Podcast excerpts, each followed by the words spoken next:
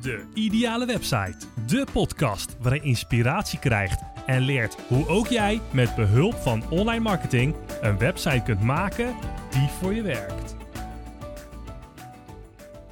Hey, goedemorgen, goedemiddag, goedenavond of goedenacht. Hey, wat tof dat je weer luistert naar de ideale website. Mijn naam is Sven Kersten en vandaag ga ik het in aflevering 21 hebben over het vergeten kindje van SEO, van SEO.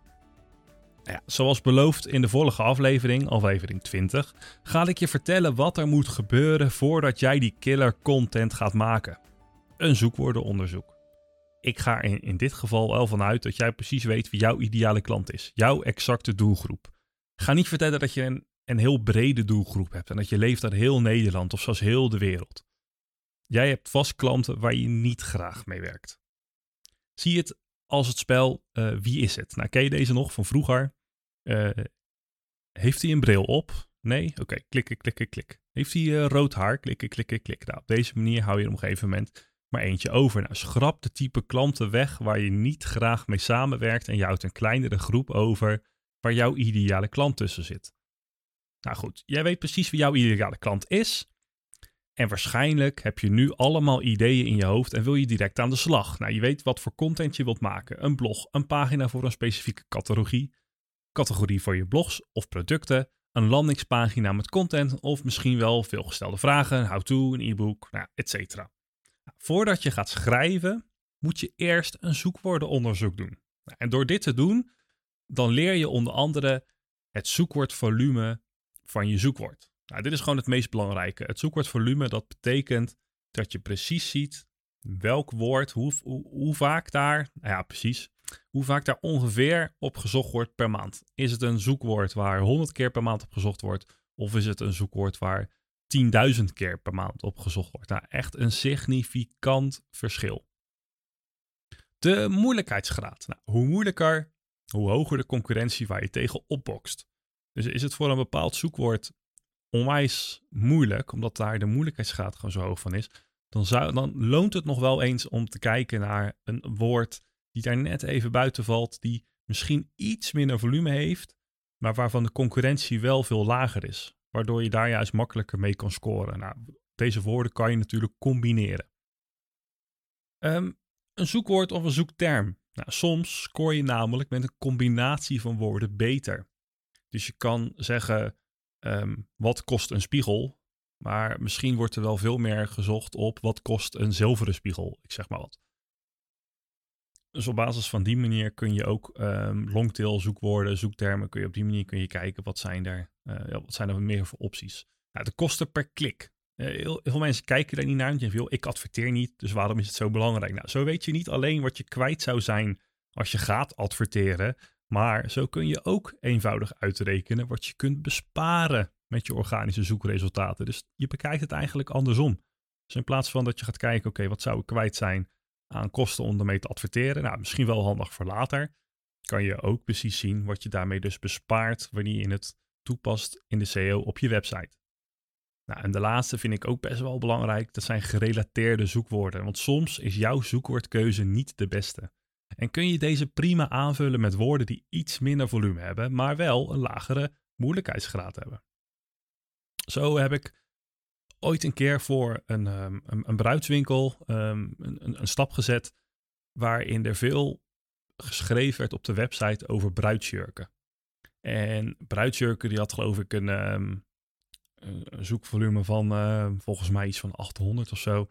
En toen dacht ik, ja, maar waarom wordt er dan niet uh, geschreven als trouwjurken? Nou, dat um, klonk natuurlijk minder chic. Uh, nou, overal eens nagekeken, maar trouwjurken, daar werd 10.000 keer per maand naar gezocht. Dus dat is een, um, wat is het? 9200 bezoekers per maand die je daardoor mist. Alleen maar door niet de juiste zoekwoorden te gebruiken. Nou, we hebben dit aangepast en de bezoekersaantallen organisch, die schoten eigenlijk omhoog. En uiteindelijk is er ook voor gekozen om te stoppen met adverteren. Daarnaast uh, ook een keer, uh, een bedrijf, uh, ja, kan hem op zich wel noemen, stijgerpijp.nl. Nou ja, die website zijn we nu aan het omzetten. Maar goed, ander verhaal. Er werd veel beschreven in het product als een, het, het product noemde, werd genoemd een stijgerpijp. Maar op het internet werd er veel meer gezocht naar een stijgerbuis. En door die zoekwoorden eigenlijk ook aan te passen, zag je het, het, zoekverkeer zag je echt enorm toenemen. Door alleen al alle producten geen stijgerpijp meer te noemen, maar stijgerbuis. Ja, ging eigenlijk alles weer uh, sky high en ging het hartstikke goed. Nou, dat is wat ik wil zeggen met gerelateerde zoekwoorden. Je denkt soms dat je voor een bepaald woord, dat je daarvoor wil scoren. Maar fact-check dan wel eventjes eerst wat het volume is van die woorden in de zoekmachines van Google. Hoe ga je dan deze zoekwoorden terugvinden? Je kan dat eenvoudig doen met betaalde tools zoals um, Ahrefs of uh, SEMrush. Nou, maar die kosten al gauw uh, richting de 100 euro per maand, minimaal. Maar je kunt het ook doen met gratis tools zoals uh, Google Trends en Google Ads zoekwoordenplanner. Nou, links naar deze tools die ga ik straks laten zien in de show notes van deze aflevering. Even een, uh, een tip van Sven.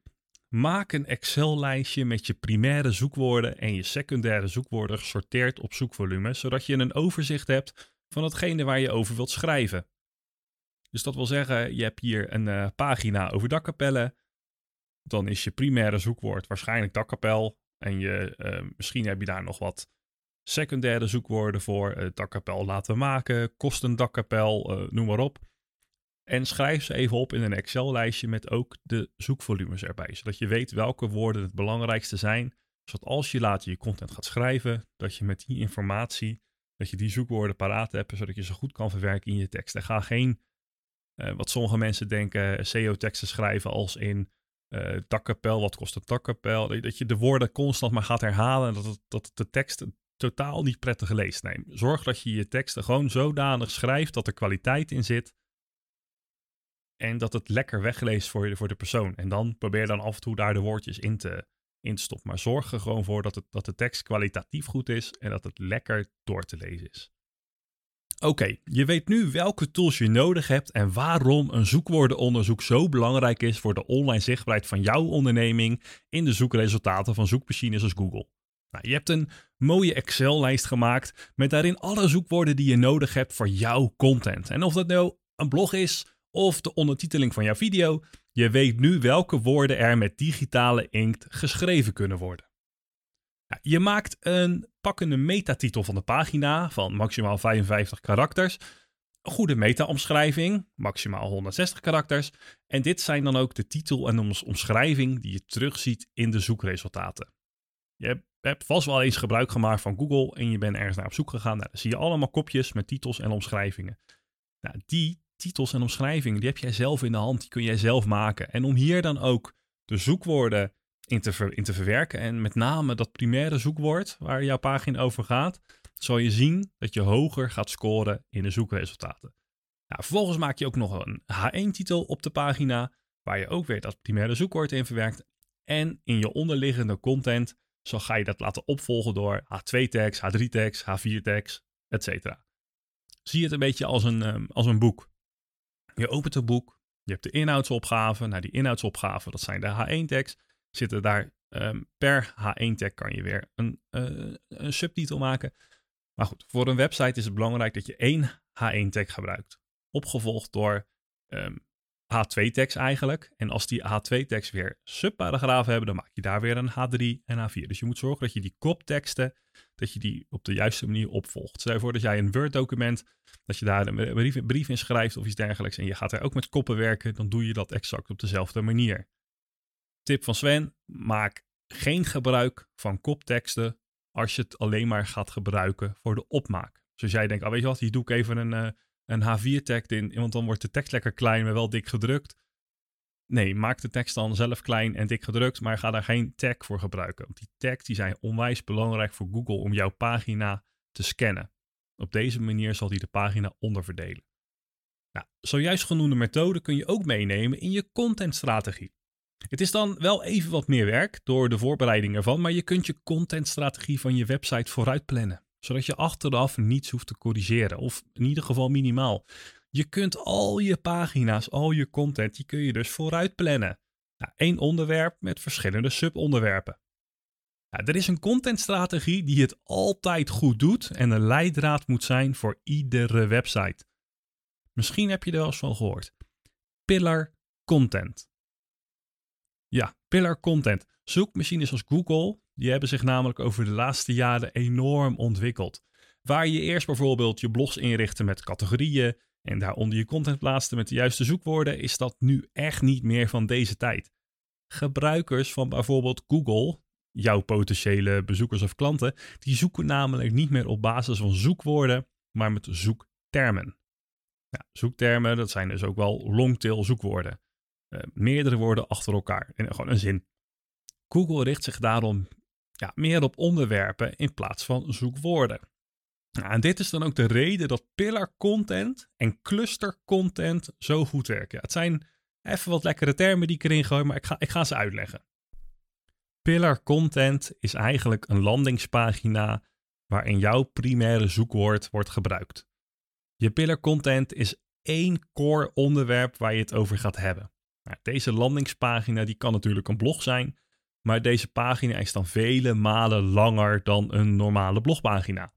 En de reden hiervan is omdat je content heel breed op het onderwerp ingaat. Nou, gebruik op deze pagina dan ook je secundaire zoekwoorden uit je zoekwoordenonderzoek in, zoals ik eerder zei, een natuurlijk geschreven tekst.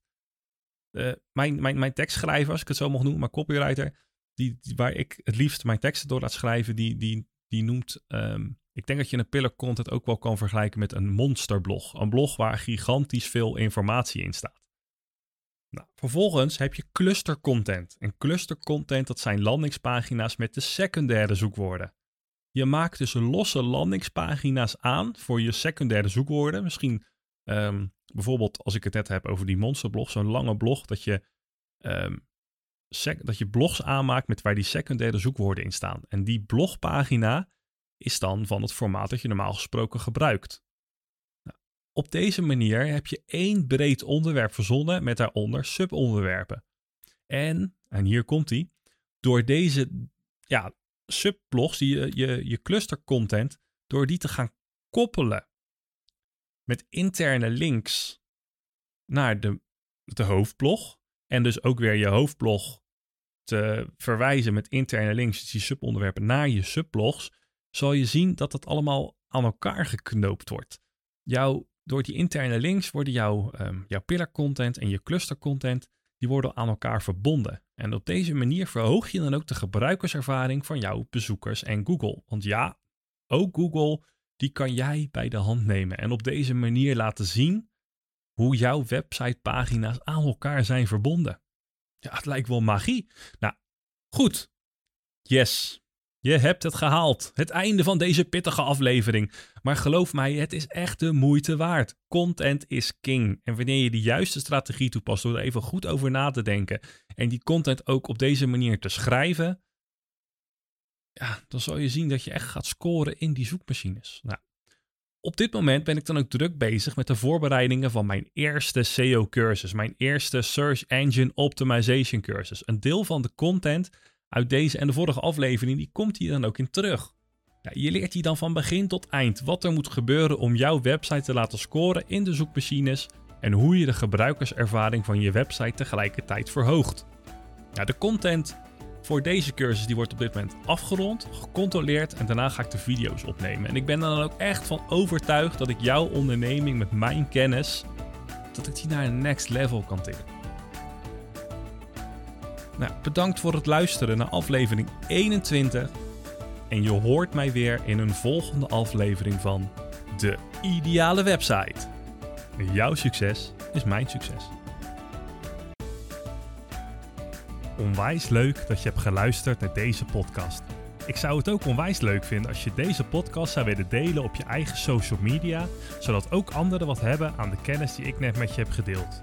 Daarnaast zou ik het ook enorm waarderen als je de tijd en moeite zou willen nemen om een review achter te laten onder deze podcast. Biedt jouw app deze mogelijkheid niet? Klik dan op de recensielink onder in de omschrijving van deze podcast en schrijf iets leuks. Voor nu bedankt voor je tijd en je hoort mij weer in de volgende podcast, de ideale website.